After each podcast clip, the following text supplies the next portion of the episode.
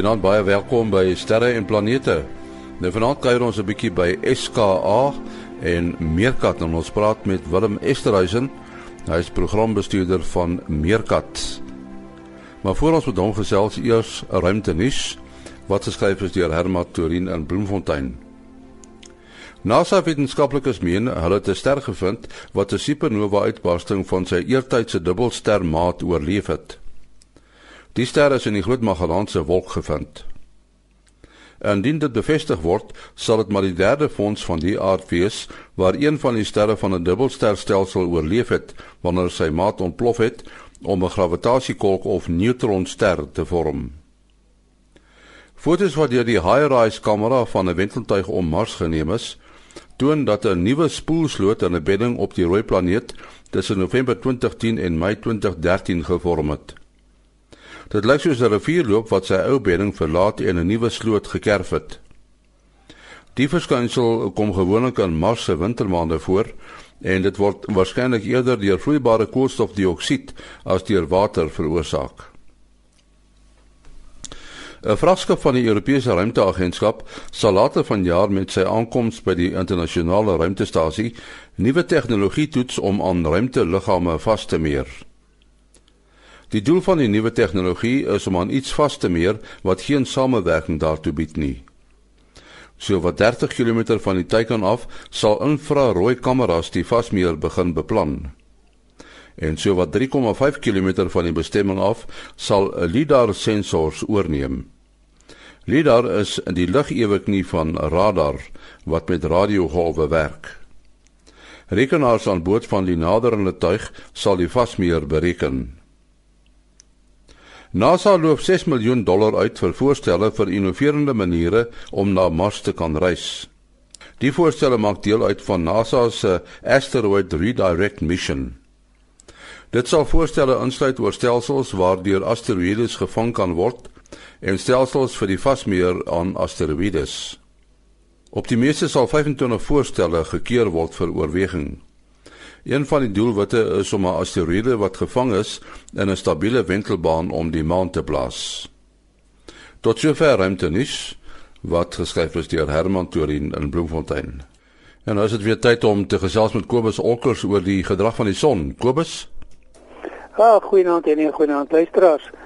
Uh hierdie week het ons uh een redelike aktiewe area op die son en een wat nie so aktief is nie. En van aktiwiteit as ons van aktiwiteit praat dan bedoel ons mos nou magnetiese kompleksiteit dit is waar ehm um, twee twee areas van verskillende magnetiese polariteit baie naby aan die son op die aan, op die son aan mekaar kom en dan veroorsaak hulle stresse in die plasma en dan kan die goed nou vakkels veroorsaak wat kan loskiet van die son af. So ons tweeetjies hierdie week is ehm uh, area 2010 en 2014 die 2014 ehm um, wys op die oomblik omtrent reguit na die aarde toe. Hy kan vir ons 'n bietjie hy hy die uh, potensiaal vir M-klas vakkels op hierdie stadium wat beteken hy gaan nou nie so erg wees om ons uh, GPS te uh, te beïnvloed nie, maar dit kan wel uh, langafstand verbindings beïnvloed. Ehm um, die langtermyn vooruitsig is daar nie te veel om te sien uh op aan die uh, stilkant van die son nie. So ons het ons het ook nie jy sien wat ons verwag vir volgende week nie. Dan wat die uh korona gate aan betref het ons nie 'n enkele een hierdie week op die son nie. En ons het net 'n baie klein ehm um, filament wat dalk kan platval en 'n bietjie storings kan veroorsaak met uh radio en kommunikasie.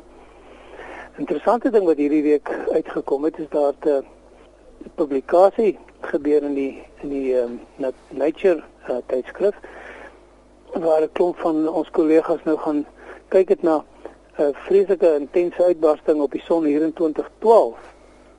Uh, wat gelukkig nie na die aarde toe gerig was nie, maar analise van die ding het nou getoon ehm uh, dat as ons so 'n week of wat later uh, op die in dieselfde posisie sou gewees het waar die uh, waar hierdie fakkel losgelaat is, sou dit die grootste sonstorm ooit gewees het. Hy sou selfs groter as die sogenaamde Carrington event van 1859 gewees het.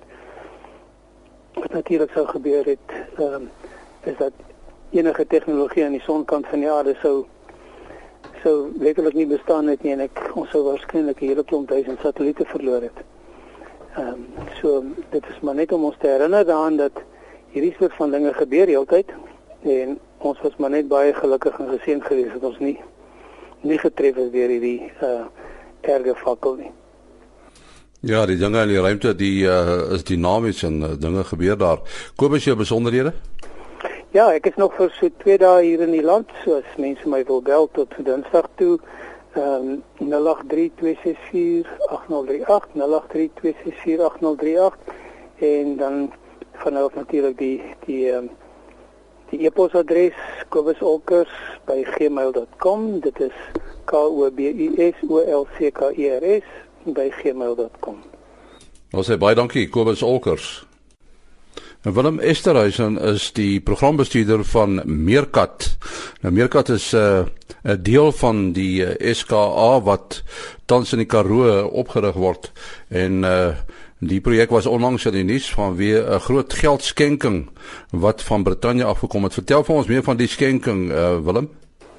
Ja, so dit is uh, basies uh, 100 miljoen pond wat die ehm um, UK regering uh, vir die vir die program geskenk het. Um, ek sê 100 miljoen is 100 000 pond. Vir die eerste fase van SKA die is daar 'n uh, sogenaamde cost cap wat op 650 000 euro is en hierdie is dan nou met ander 'n goeie goeie stap in in die rigting om die eerste fase van SKA te te befonds. Ehm um, So ja daar's 'n daarteen saak dan nou nog van die ander lidlande wat ook ook bydraes moet gee en daar's nou maar 'n mengsel van in-kind ehm um, kontribusie en dit uh finansiële kontribusie. Maar uh, dis 'n dis 'n baie goeie begin vir die vir die projek. Waar staan die projek op hierdie oomblik? Ja, so ehm um, kyk, om nou onderskei tussen Meerkat en SKA daarvan saak. Ehm um, So Meerkat dit vorder baie goed. Al die infrastruktuur is basies in. Die eerste antenne is op en ons het nou donderdag die sogenaamde inhuldiging van die eerste antenne. Ehm um, en dan teen einde van 2016 behoort al die antennes na Hardewaar op site te wees en die teleskoop behoort operasioneel te wees ehm um, soort van middel 2017. Dan is ons nou ook besig met die groter SKA ehm um, met die ontwerpfase daarvan die ontwerpfase daarvan behels nou met mense uit 'n klomp lande uit wat dit uh, geld en mannekrag skenk wat dan nou wat dan die werk doen. Dit die ons sê ontwerp word in einde 2016 toe klaar te wees. Dan is daar nou 'n fase van dit om goed te review en procurement te doen en dan is so van einde 2017 2018 af hoort 'n mens te begin bou aan SKA fase 1. Die verwagting is dan dat SKA fase 1 spesifieke dishes gedeelte wat in Suid-Afrika gebou sal word hier so na 2021 22 sal klaar wees en Meerkat word dan daarmee geïntegreer. So Meerkat vorm dan uiteindelik ook deel van SKA 1. En uh, dit is nou SKA 1 die die res uh, byvoorbeeld uh, in ander lande in Afrika dit kom daarna. So uh, van 2018 af sal die ontwerpfase vir die volgende fase van SKA dan nou ook ook afgeskop word. Ehm um, as jy dit is net 'n praktiese oorweging gaan dit nie gaan dit nie ooit gebeur dat jy die vol SKA gaan befonds kry om hom te bou voordat daar so ons sê science return daarop is. So jy jy moet hom in fases bou en dit dan kan ou sien die wetenskap terugvoer wat hulle kry en dan raak dit makliker om die volgende fases te motiveer en befondsing daarvoor te kry. So is belangrik om dit uh, eers in die gang te kry van daar natuurlik meerkat. Ja, nee, definitief en dit was dit daar sien saak ook nou met meerkat ehm um, weet ons het hom gebou dat hy met die argitektuur redelik naby is aan SK fase 1 sodat ons tot daai stadium verstaan het. Jy's met die idee om dit met SK fase 1 te kan integreer. So dit is 'n dis 'n plan wat redelik goed uitgewerk het daarin. Maar dit ook as dit nie uitgewerk het nie dan is meerkat ook 'n teleskoop wat op sy eie kan funksioneer. Dit 'n ou is geneig om na die groot ding te kyk en dan vergeet jy dat meerkat 'n baie substansiële teleskoop is. Dit in L-band so in so tussen 1 en 2 GHz is meerkat sal die mees sensitiewe radioteleskoop in die wêreld wees. So dit is 'n baie beduidende instrument op sy eie. Hoe vergelyk jy met daai radioteleskoop by Alma? Ja, weet jy, ek kan nie eintlik vreeslik vergelyk nie. Ehm um, kyk, die Alma antennes is moet ek sê tegnologies baie gevorderd, maar deel van die rede is omdat dit baie baie hoë frekwensies werk. Dit werk hier so by 100 GHz. So dit omdat dit baie hoë frekwensie en 'n baie kort golflengte is, moet die moet die akkuraatheid van jou reflektor byvoorbeeld baie hoog wees. Ehm um, so dit is heeltemal verskillende science cases. Ehm um, eintlik eintlik komplementeer hulle mekaar nogal nogal redelik goed, maar hulle is glad nie in kompetisie met mekaar nie. Jy praat so van die tegnologie. As 'n mens nou met so 'n projek werk wat oor 'n lang tydperk loop, ek vind 'n mens nie dat ehm um, dat die tegnologie wat 'n mens sê aanvanklik uh, ontwerp is dat uh, teen sê maar 10, 20 jaar later dat daar nuwer tegnologie is wat eintlik ingesit kon gewees het. Ja, dit is daar sien saak maar altyd 'n 'n moeiliker ding. So weet wat wat hulle maar daar doen, daar's 'n aardse saak dit van jou van jou hardeware as ek maar sê wat wat nou nie met tyd regtig gaan verander nie. Weet daar's radioteleskope wat 30 jaar oud is wat nog perfek goed werk. So jou antenne strukture en die goed wat jy oor die lewensduur van die teleskoop nie gaan opgradeer nie. Dit maak ou baie seker dat jy een dat hulle baie robuust is, maar twee dat jy in aanmerking neem uh, 'n uh, groeipad. So dat jy spesifiseer hulle uh, miskien 'n bietjie tighter specs as wat jy onmiddellik nou nodig het, maar weet jy antisipeer soort van 'n groeipad wat jy miskien eendag sal volg.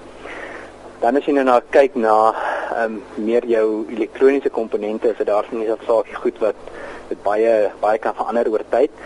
Twee goed daarso, een is ehm um, jy ontwerp jy stelsel sodat dit relatief maklik is, is om van die goed op te gradeer of te verander. En twee is ook as ons byvoorbeeld kyk na ehm um, byvoorbeeld stoorspasie. Ehm um, met ons weet nou vir Meerkat moet ons daai finale ehm um, stoorspasie insit in 2016. So ons werk saam met ouens soos Intel om te verstaan dat hoe hulle tegnologie gaan groei en wat gaan in 2016 met jou tegnologie wees. Byvoorbeeld met hoe hulle harde skyf spasie gaan verander en dan dan het ons 'n baie goeie idee dat met sê nou maar in 2016 gaan jy 10 terabit harde skywe standaard met van die rak af kan koop teen billike pryse en dan is dit hoe jy jou beplanning doen daarop. So het jy jy antisipeer wat gaan kom met tegnologie. Jy praat so van harde skywe, is die tegnologie nie op pad uit nie? Die harde skywe sal seker maar nog vir 'n tydjie lank met ons wees in 'n vorm, met of dit nou 'n of dit nou 'n harde skyf is wat ons ken en of dit nou 'n flash drive is. Maar kyk, ehm um, met die hoeveelheid data wat ons moet stoor en wat 'n ou daar daar's geen manier dat jy dit op 'n ander manier gaan gaan stoor nie. Ehm um, so nee, en afsienbare toekoms sal dit maar 'n tegnologie wees wat ons gaan wees. Julle maak seker van vesel optika gebruik uh, om om uh, met verbindings. Ja, maar dit weer eens so vir die die hoeveelheid data wat ons moet ehm um, versend is, is so baie dat ons kan nie die van sê rou data van die teleskoop af byvoorbeeld Kaap te stuur nie. Dis dis net te veel. So ons te proseseringsenter ehm um, op op die site en uh het dan basies die data te verskeep ons Kaap toe ehm um, met met optiese vesel dan is hoeveelheid data wat jy moet verskeep al reeds heel wat heel wat kleiner en ook weet dit is so baie data dat jy nie regtig alles kan alles kan stoor nie. So net in van die wetenskapgevalle sal ons sal ons die rou data stoor. Ehm um, so nie stoor ons net die geprosesseerde data. Ehm um, dit dit hang maar alles af van die spesifieke case wat jy het. Ons praat nou elke week met Kobus Olkers oor die gedrag van die son, die uh magnetiese storms en al die dinge. Ons weet nou dat 'n radioteleskoop is nie eintlik uh is nie eintlik 'n probleem as dit bewolk is nie, maar as dan is so iets soos die son uh is wat wat 'n bo-normale aktiwiteit doen. Hoe raak dit 'n uh, radioteleskoop? Ja nee, dit dit is nogal iets wat vir 'n probleem kan wees. Men weet ons ons weet ten minste daarvan. So dit ons ons weet tog nou waar die son sit. So in ons sagte ware bou ons in dat ons nie ehm um, sou ons sê ons beam so die rigting wat die teleskoop in kyk weet spesifiek deur daai sone sal sal dryf nie want dit wat dit maar is is as jy te te sterk sein kry dan kan jy spesifiek jou laarheidsversterkers kan jy opblaas want hulle is nie ontwerp vir daai groot sy nie. Ag weet dit is maar dieselfde tipe probleem wat jy kan kry met ehm um, met van satelliete af en vliegtye wat oor die ding vlieg en so aan. So ou moet baie versigtig wees dat jy nie jou toerusting seer maak met met syne wat baie sterker is as wat jy probeer opvang. Die voordeel van uh, eh, SKA wat nou 'n radioteleskoop is, daar's baie voordele, maar een van die voordele is natuurlik sy groot voetafdruk, né? Nee? Ja, ja, ja, dit is definitief. Ehm um, dit dit dit dit gaan maar oor resolusie wat jy kan kry op die op die voorwerp wat jy nou soek. Ehm um, dit jy kry ja, ehm um, dis dis dis dis basies 'n geometriese ding. Weet hoe verder jy toe die teleskoop uitmekaar het is en wat jy van twee kante af na die na vooruit kan kyk, dan kan jy ehm um, dit beter beter bepaal waar hy sit en en en, en wat gebeur. Uh, ek dink vir die mense daar by die huis, as ons nou sê 'n radioteleskoop teenoor 'n optiese teleskoop. Uh die die optiese teleskope deesdae uh die beelde word ook ontvang deur 'n sensor in 'n ander uh, golflengte en uh, dit word dan gedekodeer sodat mense met hulle oë dit kan sien. Uh is dit dieselfde wat gebeur met met uh, met 'n radiosein wat van die ruimte afkom? Ja, kyk die die optiese teleskoop, dit is is mos maar hy, hy werk basies in jou wat sê visible spectrum. So weet hom kan jy direk op 'n CCD vang en en jou beeld sien. Wat jy met 'n radioteleskoop basies oor tyd plot is die sterkte van die sein wat jy kry. Jy gaan nie noodwendig altyd dieselfde dieselfde inligting kry nie. Weet weer eens is dit eintlik twee maniere wat mekaar redelik sterk aanval. As jy jou jou beeld wat jy van 'n optiese teleskoop af kry kan oorlê met 'n radioteleskoop dan kry jy verskillende inligting maar die die die twee beelde saam gee vir jou net meer inligting. Dit is nou waar jy hulle kan saam gebruik, maar daar is maar net gevalle waar op se teleskoop nie nie heeltemal goed gaan werk nie. Vir eenvoudige rede dat daar te veel um, obstruksies tussen jou en die voorwerp is, daar's meer te veel stof in die hemelruim of ehm um, met daai wolke en sulke klas van goed. Jy het gepraat van die uh die verbindingslyne en die data oordrag. Jy weet soos met optiese teleskope deesdae die robotiese teleskope. Sou mense sê maar in Wisconsin kan sit of iewers in Sheffield in Engeland uh en gebruik kan maak van van die SKA gegevens. Ehm um, ja, nee, definitief wel in in eerste plek met jou jou teleskoop word so ontwerp dat jy hom basies van enige plek af kan kan beheer as jy op die stelsel kan kan inlaat. En dan die twee is dat die ons is baie ver verby die punt wat 'n wetenskaplike by 'n teleskoop sit en observasies neem. Jy het maar basiese skedulerings uh, pakket. Jy sê wat is die voorwerpe wat jy graag na wil kyk, weet hoe lank jy daarna wil kyk om genoeg integrasie te kry, um, om genoeg data te kry en het, ons doen die observasies, ons doen die eerste orde ehm um, verwerking van daai data en ons stuur vir jou die data produkte. En met daarvan af het jy jou data en jy doen die analises wat jy wil doen as jy nou wetenskaplik is. Ja, SKA en wat dit betref ook Meerkat is 'n baie groot projek. Het ons sover dit mannekrag betref die kapasiteit?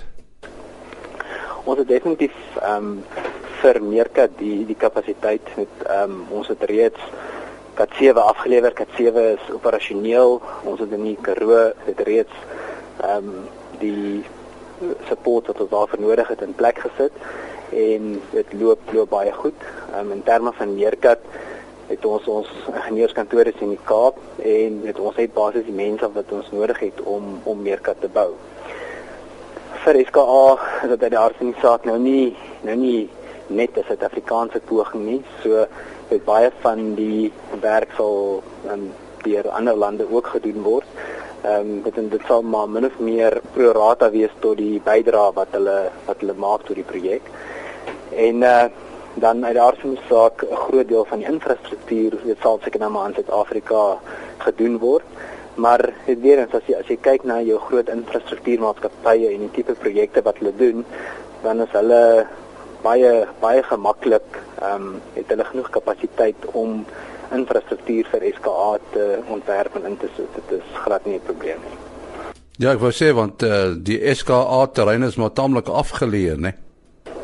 Ja, nee, maar weet hierdie hierdie ouens is nog gewoond aan in afgeleë plekke werk. Jy weet, hulle gaan bou damme en goed op op redelik afgeleë plekke. So weet jy groot infrastruktuur maatskappye is is is baie ingestel daarop. En dan in daar sien saak dit goed soos ja, met meer jou jou meganiese jou antennes en jou correlators en jou elektronika, ehm um, gaan jy bou jy in jou groot sentrums jy toets dit baie goed om seker te maak dat jy nie op saai daarmee gaan sukkel nie en jy dan vat jy dit saai toe en jy gaan installeer basies net en sê toe ook. So jy, jy jy probeer definitief om die minimum van werk wat jy kan op op saai te doen. Want as jy op saai begin sukkel met goed dan raak dit uit die aard van die saak moeilik. Ja, klimaatsverandering gaan dit seker nie beïnvloed nie die werking van die SKA. Ja, ek, ek weet nie. Ehm um, kyk die die grootste ding vir radioteleskope is maar ehm um, dit is noem radiofrekwensie interference of RFI. Uh spesifiek spesifiek vir 'n radioteleskoop is die weeromstandighede nie nie die grootste uh probleem nie. So met wat ou moet probeer doen is, is om dat daar waar jy 'n teleskoop gebou het om seker te maak dat daar nie steringe wat jy nie aanvanklik van geweet het nie dit nou nou inkom nie en dit is maar waar die hele sogenaamde AGA Act of die Astronomical Geographical Advantage Area Act um, inkom wat vir die minister van wetenskap en tegnologie die mag gee om aktiwiteite in daai omgewing wat radioastronomie kan benadeel om dit te beperk. Ehm um, en en dit is dit is dit, dit is uh ingeskryf. So weet ons glo ons kan dit ons kan dit beheer op die pad vorentoe. Is daar uh vliegtuigroetes wat oor SKA loop? Op hierdie stadium nee, weet as die die hoofroete is, is nou maar uit die Kaap uit Johannesburg toe en dit is so 100 150 km suid um, van van die site verby. So weet dit is een van die goed wat ons toe ons beide na Meerkat gekyk het en toe ons ons hele site bid gedoen het, ehm um, was dit van die goed wat ons baie ernstig na gekyk het omdat dit 'n uh, potensiële ehm um, bron van kommer vir vir RFI is. So uh, nee, ons kan ons kan definitief leef met wat daar is behoorlik. So is daardie gebied waar jy nou is, is dit nou heeltemal radio stil, uh, selfone ook. Ja, dit dit geen gebied gaan ooit heeltemal radio stil wees nie. Ehm um, maar dit is 'n dit is 'n baie goeie radiogebied. Dit in terme van goed so selfone werk ons met maatskappye soos MTN en en Vodacom om die syne wat daar is so te sou ek maar sê te blok laat dit nie na die site toe te kom nie en dan nader aan die site weer 'n toring op te sit wat weg uitsaai van die site af om daai stukkie wat weggevat is weer op te vul sodat jy nie mense wat selfoon ontvangs gehad het se sein wegvat nie maar dat jy ook nie syne het wat jy na die teleskoop toe uitsaai nie. Dit die direksionele syne wat wat wat jy weg van die teleskoop af stuur is uit daar nie saak nie nie 'n groot probleem nie. So dit is maar weer een van goed jy moet jy moet ehm um, 'n kompromie kry tussen wat vir mense werk en weet wat wetenskaplik kan werk. Ehm um, maar maar ou moet baie versigtig wees daarmee want dit is ek altyd sê RFI vir 'n radioteleskoop is soos om 'n flits in 'n optiese teleskoop te skyn. Net jy jy maak hom heeltemal blind. Die materiaal waaruit die antennes gebou is, uh is dit nie vatbaar vir uitsetting en inkrimping nie. Ehm um, ja, weet jy eens met nou daarso onderskei vir die Cat7 antennes is, is glasvesel en dan die meerkat antennes is 'n staal uh, steeningstruktuur met aluminiumpanele. En dit is net van die goed wat 'n ou analiseer voor die tyd. Ons het redelike gevorderde eindige element analise pakkette dat jy kan kyk wat gebeur met ding as jy veranderende temperature kry en so aan. As jou hele struktuur by 'n hoër temperatuur is, dan jy's reg jou jou struktuur dit gaan vervorm maar dit hy raak bietjie groter jou jou arm wat jy sitreflektor op sit raak 'n bietjie langer en op einde van die dag dit bly die goed eintlik in in fokus. So daar's baie analises wat gedoen is om seker te maak dat daai nie 'n probleem sal wees nie. Ehm um, so nee, ons is baie gemaklik dat dat ons die omgewingstoestande kan hanteer met ons antennes. Ja, dis waarom ek jou vraag oor klimaatsverandering gevra het. Dit as jy daai goed spesifiseer aanvanklik, dan kyk jy daar van die saak na ehm um, weer data van die laaste paar jaar wat jy wat jy nou maar het. Jy spesifiseer hom maar redelik vir die slegte omstandighede wat jy daaruit kry. So en dit is omstandighede wat jy eintlik 'n baie lae persentasie van die tyd gaan sien. Dit is nie dis nie wat ons baie bekommer nie. Ehm um, die die dieselfde gaan vir jou windsnelhede waarvoor jy met die hart in die saak kan werk. Het en daar ook het ons 'n baie volledige windstudie gedoen om seker te maak dat die die maksimum wind wat ons spesifiseer wat ons antennes met kan oorleef dat dat ons veilig is daarbey. Het en dit is tipe van 'n 1 in 100 jaar um, return period. So uh, dit is 'n baie veilige tipe van nommers wat ons op werk daarso. Nou jy het een een uh, antenna nou in gebruik geneem.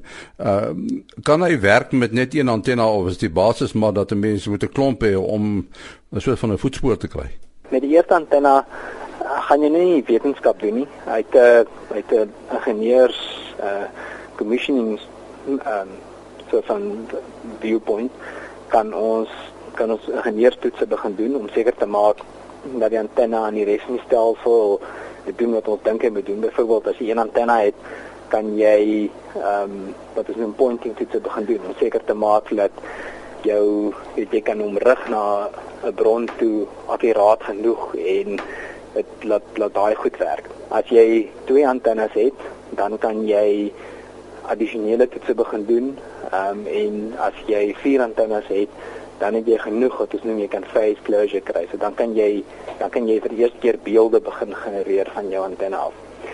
So het hoe meer antennes jy jy aanlyn kry, hoe meer inligting kan jy kan of hoe meer werk kan jy doen. Maar dit daar in die saak beplan ons ons ons commissioning ook maar soos wat ons ons antennes ehm um, aan aanlyn kry.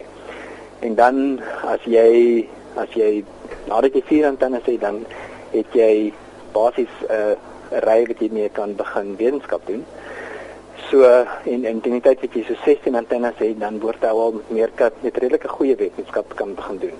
32 dan begin raak dit al 'n redelike ernstige wetenskapinstrument.